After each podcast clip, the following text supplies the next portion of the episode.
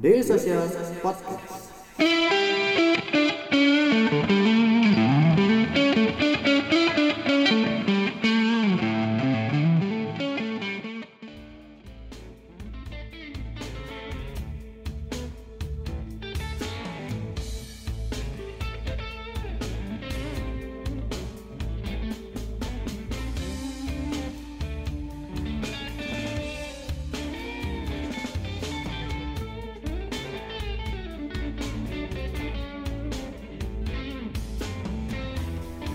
Oke, selamat sore.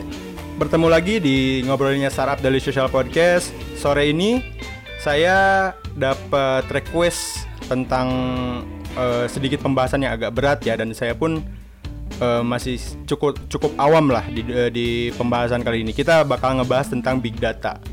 Nah, teman-teman mungkin belum semuanya tahu apa itu big data, bagaimana itu big data. Terus saya juga ba- eh, baru tahu bahwasannya big data itu bisa menjadi social impact di Indonesia gitu. Nah, untuk itu saya udah bersama dengan Mas Bahtiar Rifai. Ya, nah, beliau ini adalah CEO-nya dari Volantis ya. Selamat sore Mas. Sore, Mas. Apa kabar Mas? Baik, baik, baik. Thank you udah diundang, Mas. Ya. Oke Mas, kita berbicara tentang big data nih Mas. Big data itu apa sih Mas? Kalau secara lazim, Mas ya, Hmm. kalau kita ngomongin big data itu sebenarnya kan kalau kita bahasa Indonesiain kan simple ya. Ya. Ba- data, Data yang besar. Data besar gitu. Ah. Tapi sebenarnya apa sih big data itu? Sebenarnya big data itu mencakup beberapa hal sih. Oke. Yang pertama adalah eh, data yang banyak karena volumenya, Mas. Mm-mm. Jadi misalkan eh, podcast ini nih kita ngomong berjam-jam sampai 24 jam itu kan nanti bergiga-giga tuh. Ya. Nah, itu jadi big data juga. Oke. Yang kedua tuh karena velocity-nya, Mas, contohnya. Jadi karena kecepatannya. Oke. Ya, kecepatan bertambahnya data. Contohnya misalkan Twitter nih, Mas. Ya. Bocor kan kalau mbak- apalagi bahas politik nih, hoax nih. Iya, Oh, banyak ya. nih, banyak banget kan. Nah, itu kan kecepatan datanya banyak nih. Ya, Nah, betul. Yang ketiga itu variety-nya, Mas. Oke. Jadi variety-nya dari dari jenisnya lah. Hmm, hmm. Nah, kalau misalnya kita ngomong dalam variety itu biasanya di corporate nih. Oke. Atau mungkin di government kalau misalkan kita mau analisis impact tentang suatu produk Hmm. atau suatu policy yang akan berimpact ke sesuatu, biasanya Hmm. kita uh, consider banyak sekali data dari berbagai sumber nih. Oke. Video, dokumen, database, uh, sosial media, Hmm, hmm. termasuk juga data-data survei. Jadi sebenarnya big data itu adalah data yang banyak yang uh, disebabkan atau diproduce oleh beberapa uh, beberapa kriteria gitu. Bisa dari Oke. volumenya yang besar, bisa dari, bisa dari velocity-nya yang cepat, Cepat. bisa dari variety yang banyak. Nah, big data big data sendiri itu nggak penting mas sebenarnya. Yang penting itu adalah gimana kita bisa memanfaatkan big data itu menjadi something yang valuable Oh, untuk oke. kita Hmm. sebagai individual ataupun secara bisnis ataupun kita sebagai masyarakat gitu. Oke. Jadi secara tidak langsung bahwasannya eh, ya kalau boleh dibilang banyak yang bilang ya seperti di Twitter lah banyak sampah-sampah kayak gitu itu ternyata masih bisa bermanfaat ya Mas ya. Betul, kalau dari situ kan kita bisa tahu nih mas. Hmm. Contohnya misalkan uh, berapa persen sih oh, penduduk Indonesia yang percaya ke berita hoax tertentu. Nah, itu kalau misalkan kita nggak mining sampah-sampah itu kan kita Hmm, nggak tahu hmm, ya. ya, ya. Dan itu menjadi salah satu concern di big data juga mas. Oke. Dibantu tentunya dengan AI lah, Hmm, artificial intelligence untuk untuk uh, mengolah data-data itu menjadi uh, sesuatu prediksi. Misalkan kalau kita ngomongin masalah politik nih, uh, misalnya kita ngomongin masalah politik nih, misalkan ada sentimen analisis nih ke Hmm. Yeah. siapa gitu, itu bisa dihitung juga dengan Oh, oke. dengan data-data Twitter dan juga dengan algoritma-algoritma yang uh, kita peroleh dari AI gitu. Oke. Oke. Eh, ternyata memang cukup menarik juga nih. Terus saya punya pertanyaan nih Mas. Sejauh sejauh mana sih big data mempengaruhi sosial hari ini? Waduh, kalau per- itu sebenarnya bukan pertanyaan sih, itu, itu keniscayaan mas. Oke. Karena memang uh, apa pun yang kita lakukan sekarang itu dipengaruhi oleh big data mas. Oke. Jadi uh, contohnya nih mas ya, uh, mas kan browsing nih, Ya. ya kan, mas ini browsing, terus mas dapat iklan kan? Oke. Nah, iklan itu disajikan ke Mas itu bukan sembarangan tuh, bukan ngawur, tapi berdasarkan data-data dari uh, behavior Mas sebelumnya. Oh iya, ya, Nah, sering tuh itu- saya kayak gitu nah, tuh, sering sering. Itu ngikutin terus tuh. Nah, itu salah satu gitu. Yang kedua adalah misalkan di bidang sosial ya kalau kita bisa ngomong tuh uh, research contohnya kalau di US itu kita ngomong misalkan uh, udah ada kayak kita deteksi breast cancer Hmm. kanker payudara tuh Iya. ya dengan menggunakan uh, foto payudaranya jadi payudaranya dipoto Oke. uh, terus di scan gitu nanti keluar prediksinya ini probability kena uh, kankernya berapa persen gitu nah itu juga big data mas Loh, dari mana big datanya karena uh, di US itu foto orang yang terkena kanker itu dikumpulin terus Oke. dimasukkan ke algoritma jadi mereka tahu patternnya seperti apa jadi itu setidaknya bisa bisa memberikan gambaran awal lah.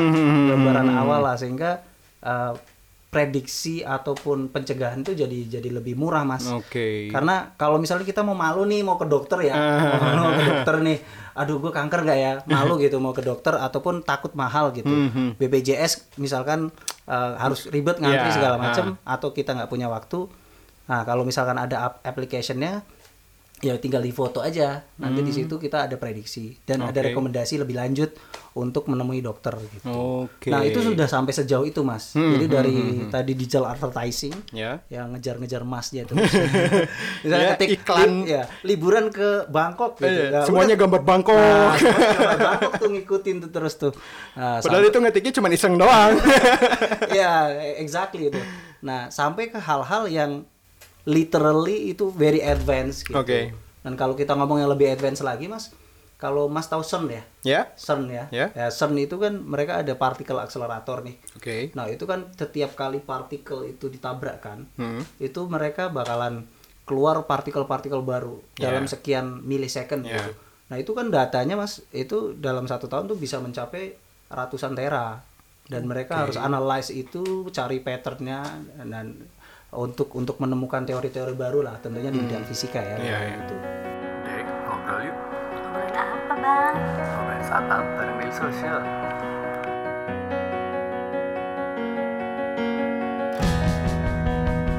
Daily Social Podcast.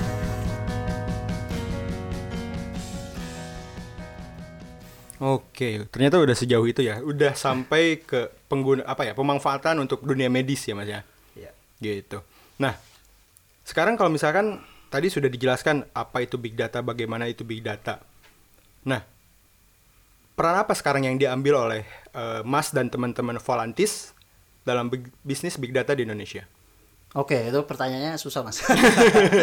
Jadi eh, basically kami kan berangkat dari advertising bisnis mas ya. Oke. Jadi kami berangkat dari eh, big data untuk advertising awalnya. Nah, Terus kami lihat, eh ternyata di Indonesia ini banyak sekali perusahaan-perusahaan yang sebenarnya punya data, Hmm. tetapi belum dimanfaatkan dengan baik. Artinya Oke. untuk untuk menjadi sebuah data driven uh, company itu mereka belum sampai ke situ. kan. Mhm. Gapnya cu- cukup banyak nih mas. Gapnya tuh besar gitu. Mhm. Kalau kita bandingkan dengan negara-negara maju seperti US ataupun Eropa gitu. Mhm. Nah oleh karena itu Volantis mengambil peranan sebagai enabler. Oke. Nah, uh, jadi kami membangun infrastructure as a service. IaaS. Oke, jadi IaaS. infrastructure as a service untuk uh, data unification platform dan AI. Hmm. Nah, jadi kami menyediakan uh, platform yang da- bisa dipakai sama corporate atau institusi untuk untuk melakukan digital transformation tanpa mereka harus invest uh, tenaga dan uang yang banyak di situ Oke. sebenarnya. Gitu. Oh, jadi eh ya disebutnya berarti apa? In, in- infrastructure as a service. Iya, infrastructure as a service, Oke. Mas.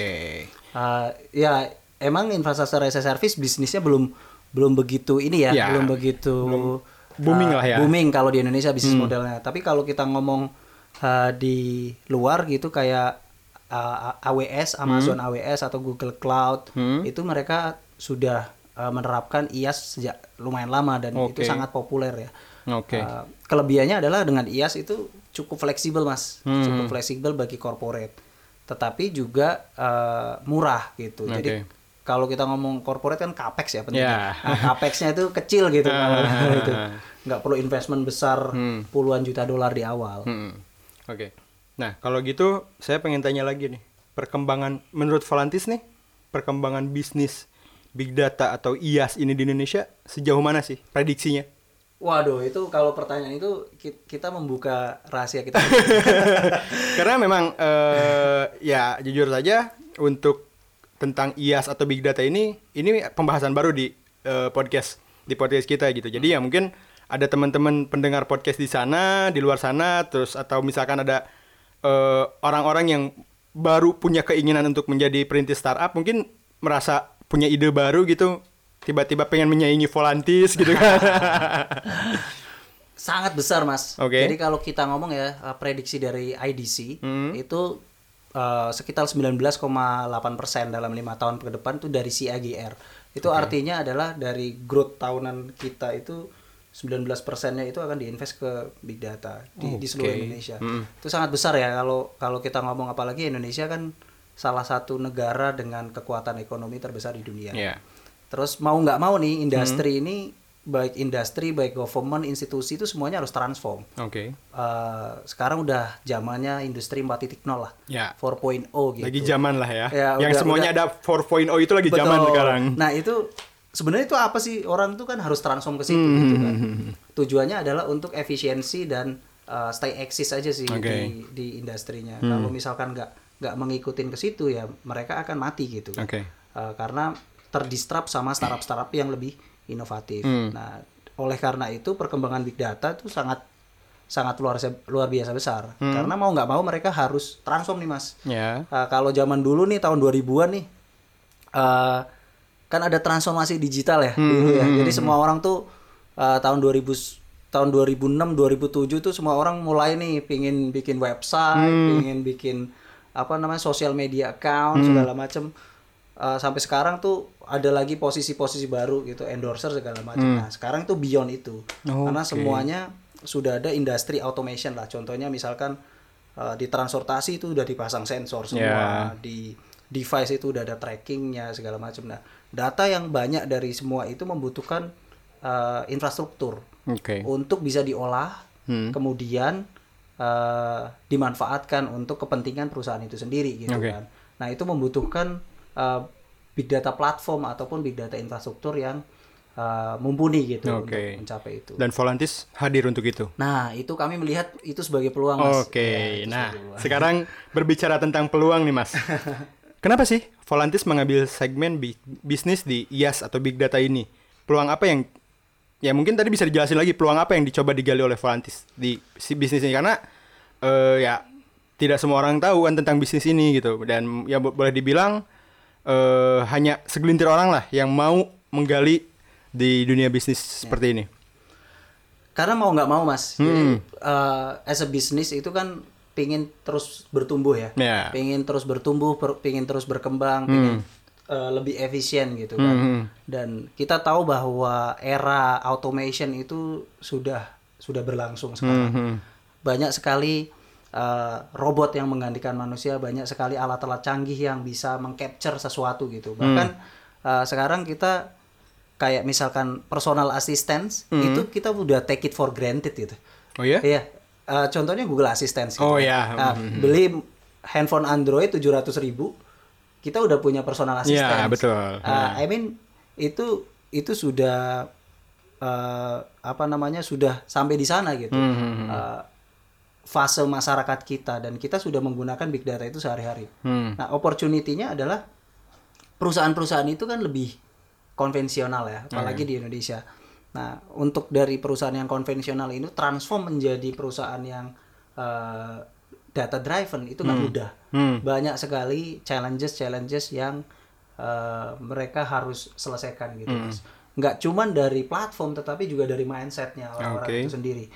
Nah, oleh karena itu kami coba uh, membuat platform yang bukan hanya memudahkan mereka dari sisi uh, apa namanya headworknya untuk deploy big data internally, tetapi juga untuk memudahkan mereka berkolaborasi gitu uh, internally. Jadi Oh, oke. instead of kita bangun platform menggantikan employee-nya mereka, Hmm. terus oh, menciptakan pengangguran baru gitu, kita pingin empower gitu. Kita pingin empower bahwa existing uh, resources yang ada di perusahaan itu bisa di training untuk menggunakan platform kami untuk untuk uh, mengoperasikan big data platformnya. Oke, berarti tidak men- apa ya tidak mengurangi jumlah pekerja juga berarti ya. Ya. Bukan bukan apa ya menghilangkan tenaga manusia lah ya. Enggak. Hanya membantu mungkin ya Mas ya. Iya membantu mas karena memang kalau kita lihat secara platform kan eh, kita sebenarnya ada dua ya. Yang Hmm. pertama itu paling paling dasar adalah infrastrukturnya. Oke. Infrastruktur big data itu paling basic. Kalau kita ngomong infrastruktur kan jalan tol tuh. Ya.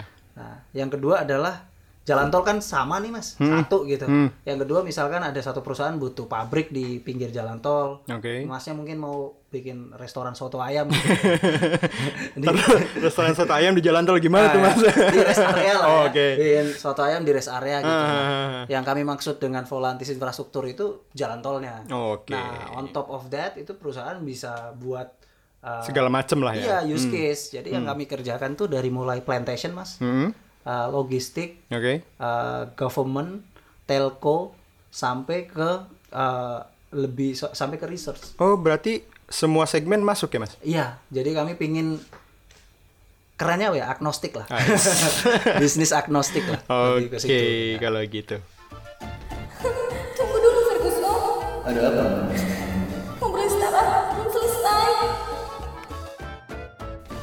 Oke, balik lagi nih di eh, ngobrolin sarapnya dari Social Podcast masih sangat seru karena materinya juga ternyata Mas Bahtiar ini nggak malu-malu untuk memamparkan ya sebenarnya gitu.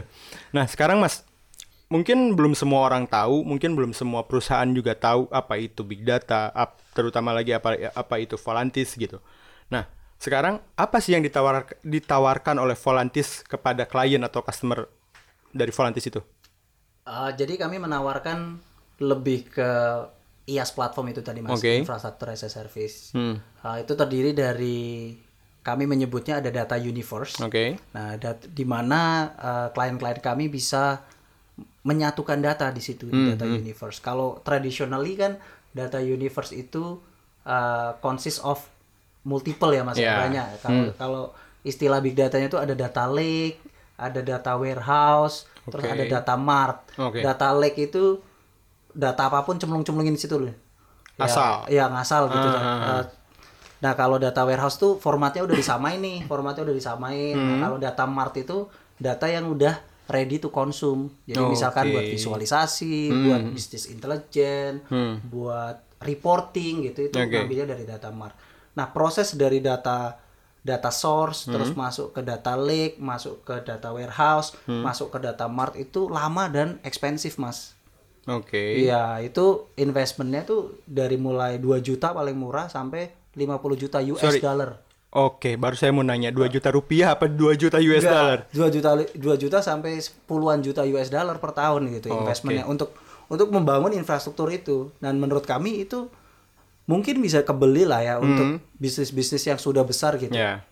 Cuman untuk eh, bisnis kan nggak semuanya besar ya, Ya, nggak betul. semuanya punya capital yang Hmm. Cukup ke situ kan. Hmm. Nah, oleh karena itu kami juga eh, menyediakan yang namanya data universe. Oke. Is- istilahnya shortcutnya lah. Oke, Uh, tanpa sorry. harus spend jutaan dolar itu Hah? bisa punya the same capability ta- hmm, dengan hmm. performance yang mirip-mirip gitu. Nah, Oke, berarti seolah memud- lebih memudahkan lagi berarti kalau gitu ya Mas ya? Betul, lebih memudahkan untuk kalau kita ngomongan eh, data universe tuh kayak apa sih kayak Google Drive mas? Ya, betul. Kayak Google Drive tapi nggak untuk storage ya. Kalau Google Drive kan untuk storage. Hmm. Itu nah ya. ini untuk storage, untuk analitik, Hmm. eh, terus untuk reporting, terus untuk AI juga. Jadi Oke. termasuk untuk dataset dan trading data untuk AI juga di situ support. Oke. Jadi lebih lebih komprehensif lah. Hmm. Nah di di atas data universe itu mas kita bangun tiga modul.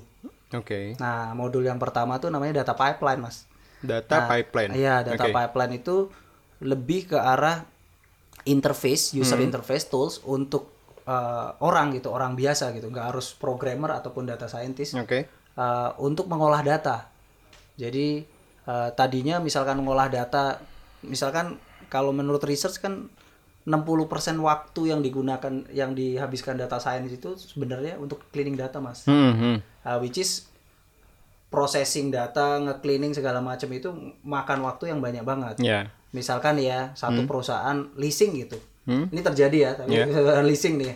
Jadi ada orang yang kan sales input data tuh Yeah. di Excel gitu kan. Yeah. Jadi ada yang nulis mereknya Honda, ada yang Honda, ada yang Oke. Honda Vario, Oke. Honda Vario pakai F, ada yang pakai V gitu. Jadi itu kan kalau misalkan berapa banyak Honda Vario ngejual di suatu daerah gitu. Iya. Misal ini sebut merek gak apa-apa ya? Nggak apa-apa, nggak apa-apa, nggak apa-apa. di suatu daerah gitu. Nah itu pusing tuh karena itu jutaan orang yang Iya, order, betul. terus yang leasing jutaan orang, terus tulisannya beda-beda. Ya, masa orang yang benerin satu-satu kan? Hmm, Iya. Nah itu salah satu misalkan data preprocessing lah. di situ. Oke. Nah, itu kalau misalkan datanya, misalnya datanya data salah satu leasing terbesar di Indonesia, Iya. itu datanya jutaan mas. Oke, Gimana kita betul. mau replay satu-satu gitu kan? Hmm. Nah si data pipeline itu memusahkan, memecahkan masalah seperti itu. Oke. Uh, pre-processing, cleaning, Hmm. uh, join multiple data, terus uh, ekstrapolasi data, normalisasi data segala macam. Ya bahasanya aneh-aneh lah. Bisa kita bisa menerapkan algoritma juga on Yeah. top of data itu, bisa create something Oke. uh, di situ. Jadi lebih saya nyebutnya sih tools untuk memproses data secara mudah. Oke. Nah, itu pun bisa dilakukan sama semua orang, Mas. Nggak nggak perlu uh, orang yang ngerti gitu. Yang penting dia ngerti konteksnya. Ya. Konteks dari datanya seperti apa. Sehingga orang yang biasa pakai Excel sebelumnya itu bisa melakukan Oh, tanpa oke. harus adanya uh, steep learning curve lah. Jadi user experience pun mudah. Mudah. Oke. Nah, itu juga salah satu USP yang ingin kita tonjolkan sih, Mas. Hmm. Karena memang eh, kalau kita ngomong expert big data di Indonesia kan dikit banget ya. Ya, Ya, betul. sangat sedikit. Hmm. Dan rata-rata perusahaan itu punya tapi mungkin nggak banyak dan mungkin gapnya juga beda Hmm. Ya, gitu. Ada yang jauh pintar banget, Ya, ada yang hmm. biasa aja gitu. Nah, makanya eh, kita coba empower teman-teman yang eh, analis yang ada Hmm. di perusahaan itu untuk untuk bisa perform lah. Oke. Nah, sekarang masih berbicara tentang eh, apa ya? eh, volantis kepada klien. Sudah berapa banyak sih klien volantis hari ini? Karena setahu saya volantis itu belum lama ya, Mas ya. berdirinya. Iya. Gitu. Sekarang sudah sudah sebanyak apa customer Sebelum atau jawab, kliennya lah? Ya, sebelum jawab itu mungkin eh, lanjutin yang tadi dulu ya. Oke. Eh, yang tadi kan pipeline tuh masih ada Ah. dua lagi. Oh, Mas. iya, Masih benar. dua lagi. Sorry, sorry nih. Jadi Siap. yang yang kedua itu namanya eh, ML Studio, Mas. Oke, apa tuh, Eh, Mas? ML itu singkatan dari machine learning. Oh, bukan Mobile Legend ya, Mas ya? Bukan, bukan, bukan. Apalagi ML yang lain bukan ya. Oke. Oke, skip. itu machine learning. Eh, machine learning itu adalah salah satu metode lah Hmm. eh, untuk di di cabang kecerdasan buatan Yeah. ya dengan jadi dia kayak misalkan kita bikin program yang bisa solve specific problem dengan dengan acuan data-data yang sudah ada gitu. Oke. Nah, yang kedua ya kami membangun itu machine learning builder. Hmm. Nah, machine learning itu kan sebenarnya di, di create sama data scientist nih. Ya. Uh, setelah datanya di clean Di gitu clean. kan, dibuat prediction nih. Hmm. Misalnya mau memprediksi curah hujan atau mau memprediksi uh, emas ini cocoknya di offer uh, hotel bintang 4 atau bintang 5 gitu. Oke. Dari behavior browsingnya gitu misalkan. Nah, itu pakai machine learning tuh. Oke. Nah, dengan machine learning builder itu uh, kita bangun suatu interface lagi nih, drag Hmm. and drop. Jadi orang tuh bisa uh, ngedesain machine learning dengan drag and drop itu tadi. Jadi Oke. datanya di drag ke situ, Hmm. terus dikenakan misalkan regresi gitu atau clustering atau Hmm. neural net gitu. Ke situ nanti outputnya akan bentuk model. Mo- Oke. Model itu terminologi di machine learning ya. Hmm. Jadi model itu nanti yang akan dikenakan data baru yang akan muncul prediksi. Oke. Jadi dari model itu misalnya Mas masuk nih kucuk-kucuk ke web masuk oh ini nih apa cocoknya bintang 5 nih Iya. karena uh, browsing behaviornya bacanya New York Times misalnya. Oke. Kayak gitu. Oke. Nah, yang mungkin paling banyak adalah di fintech Mas. Ya. Nah, itu kan mereka kan ada instant approval ya. Ah. Itu pakai machine learning juga. Oh gitu. Iya, jadi eh, mereka collect data dari eh, berbagai sumber ya, Hmm. collect data dari berbagai sumber diolah menjadi machine learning model. Hmm. Nah, kalau kita kredit nih, payday loans gitu, Hmm. itu data kita dicek tuh. Nanti ada skornya A, langsung dapat B, dapat bunganya mahalan dikit, C, dapat bunganya mahal banget, D, di reject Oke. gitu. Jadi nggak perlu lagi analis, teleponin, data gitu. Iya, nggak usah ada survei-survei lagi. Nggak usah, Ah, nggak usah ah, gitu. Nah, itu yang menyebabkan ya membantu kehidupan kita jadi lebih convenient lah. Ya, betul, At least betul. kalau misalkan tanggal 24 udah habis duitnya gitu. Oke, menjadi salah satu opsi sih itu sih. itu kan mudah ya. Iya, jadi betul. eh, mudah dan enak gitu. Privacy juga kan kita Iya. bisa kayak umpet-umpetan gitu. Ah, Umpetang dulu nih. Oke. Nah, itu bisa terjadi karena machine learning Oke. yang disupport sama big data. Hmm. Itu yang kedua mas. Oke. Yang ketiga nih yang terakhir kita ada namanya uh, Volantis Explorer. Oke. Nah selain selain- jadi selain data universe, pipeline, uh, terus machine learning Hmm. Machine studio dan yang terakhir itu Explorer. Explorer itu adalah tools untuk membangun visualisasi data. Oke. Ah, ah, jadi misalnya data-data yang tadi udah dipredik, udah ada clean segala macam, kita mau bangun report Hmm. atau misalkan kita membangun uh, suatu dashboard gitu ya. Oke. Uh, misalnya di smart city gitu kan ada dashboard tuh. Hmm. apa namanya TV-TV nih banyak nih. Nah, ini kayak indeks kecelakaan, ini indeks udara, ini kemacetan segala macam beserta prediksinya. Nah, itu bisa dibangun dengan uh, Explorer, Explorer, kita. oke. Iya. Jangan lupa subscribe Ngobrolin Startup Daily Social Podcast di SoundCloud, Spotify, atau aplikasi podcast favorit kamu. Oke. Kira-kira itu, Mas. Oke. Cukup cukup memusingkan sih mas. gitu. Tapi ya saya saya yakin teman-teman pendengar podcast di sini ada yang sudah tahu dan mungkin mengerti lah mas ya gitu. Iya. Nah balik lagi nih mas. Sudah seberapa banyak sih mas customer Volantis? Kalau kita Di bisa Indonesia? ngomong uh, di Indonesia tuh udah puluhan lah. Oke. Cakupannya Indonesia kah atau? Ya, tahun ini kita fokus di Indonesia, Mas. Oke. Ya, basically kami uh, mulai launch itu sebenarnya tahun lalu ya. Hmm. Oke. Nah, mau mulai launch itu tahun lalu, cuman memang nggak pernah masuk media gitu. Hmm. Uh, kita, Oh, iya. Kita pengen diem-dieman aja. FYI aja nih buat para pendengar podcast ini perdananya Volantis muncul di media ya mas ya. Waduh jadi malu. Oke. Sudah banyak berarti ya mas ya?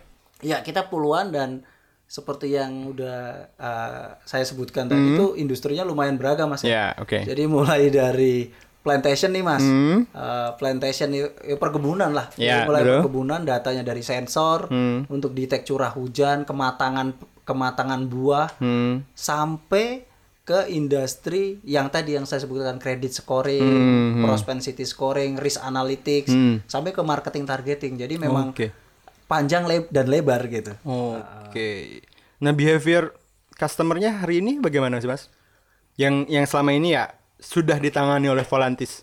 Jadi awalnya sih eh, banyak sekali customer itu sebenarnya mungkin 30% ya dari total customer itu udah aware sih tentang Hmm. Oke. tentang itu. Jadi mereka udah apa namanya? Udah baca-baca nih Ah, di luar tuh seperti apa segala macam. Dan itu hanya 30% ya, Mas ya? 30%. Oke. 30 persennya mereka udah Pasti ada aware. cerita menarik di sini. 30% udah aware pas kita ngomong, "Hmm, bisa ya?" Iya, Pak, bisa gini-gini. Ah, ya udah, akhirnya Oke. jalan. Nah, yang 70% kita harus educate sih. Oke. Jadi yang 70% itu rata-rata eh, company-nya itu banyak ya dari mulai yang company prehistorik sampai yang Hmm. Data driven. Oke.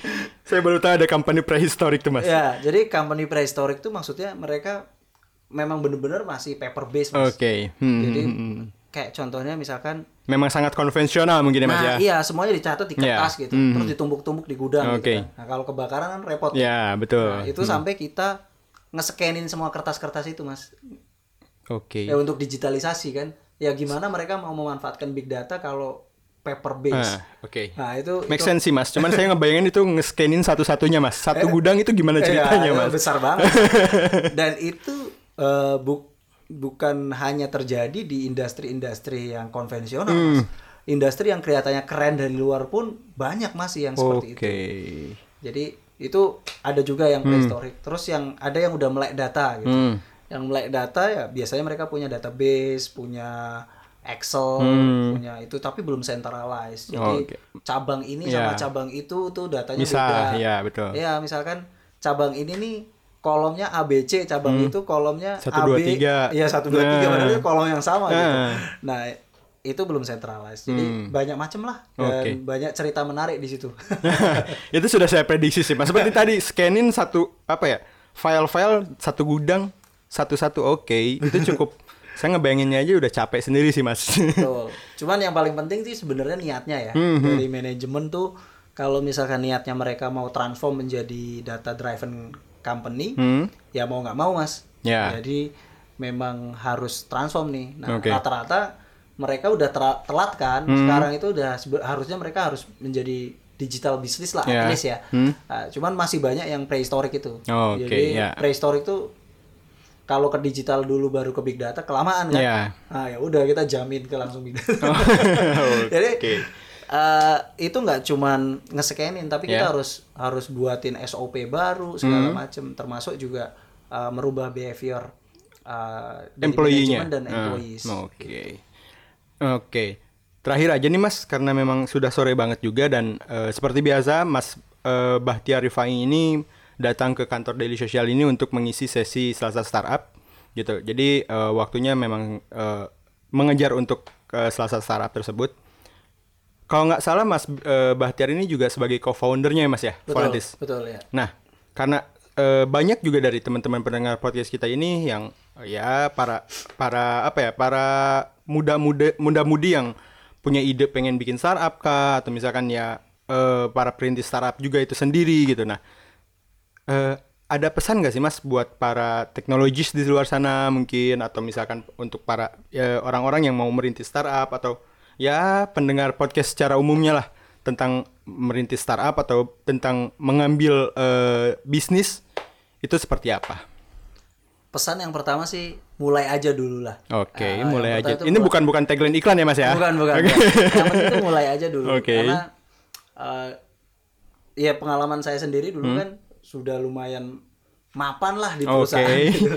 oke. Udah Ini sebuah kesombongan diri ini kan? Lumayan mapan di perusahaan. Cuman Hmm. memutuskan untuk membuat startup pada saat anak pertama baru lahir tuh. Nah, Oke. itu kayak dicaci maki semua orang. semua keluarga kayak, Lagi "Ngapain butuh uang gitu?" banyak, ini malah ngeluarin uang banyak Ngapain gitu. Tapi sebenarnya kan ya kalau kalau tidak sekarang kapan lagi gitu Oke, Mas. betul. Ah, ah. Hmm. Jadi pertama mulai aja, terus yang kedua tuh jangan menyerah gitu. Oke. Jadi biasanya tuh kalau bangun startup tuh awal-awal tuh kita itu kayak bulan puasa siang-siang lihat es teh gitu. Oke. Kayak wah gitu kan. Iya, iya. Gimana gitu ya. Kayak pingin pingin langsung minum Iya. gitu. Nah, tapi pada saat menjalani tuh biasanya kita eh, ada masa-masa yang nggak senikmat itu. Ya, Jadi pasti. persistensi itu di, diperlukan Dibutuhkan, lah di ya. startup. Nah, makanya ada namanya uh, the valley of death. Ya. Jadi kalau kita udah startup udah 2 3 tahun tuh biasanya udah mengalami itulah the Ya. valley of death gitu kan. Nah, di situ uh, komitmen kita, persistensi kita tuh Hmm. diuji. Oke. Uh, kita dengan diri kita sendiri, dengan keluarga, dengan co-founder Hmm. Oke. kita gitu. Jadi memang yang pertama tuh harus mulai dulu, Hmm. berani mencoba. Yang kedua itu harus uh, persisten lah, sabar. Oke. Oke. Terima kasih Mas Bahtiar. Banyak Sama-sama. banget ilmu yang saya dapatkan secara pribadi gitu dan semoga juga teman-teman pendengar podcast ini banyak menyerap banyak ilmu dari Mas Bahtiar yang tadi Amin, omodelin amin, gitu. Nah, mungkin segitu aja ya Mas.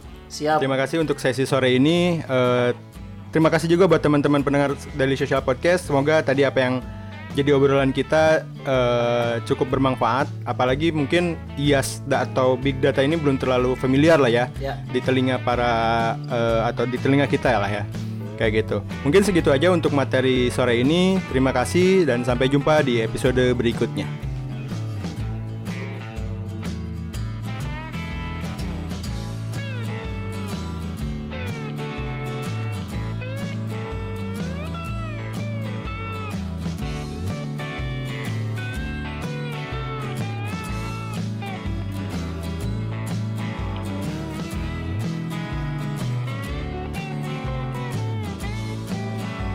Terus keep in touch bersama kita di dailysocial.id untuk website kita. Di Facebook kita ada dailysocial.id, di Twitter kita ada @dailysocial dan di Instagram kita ada @dailysocial.id. Di LinkedIn kita ada Daily Social dan di YouTube kita ada Daily Social.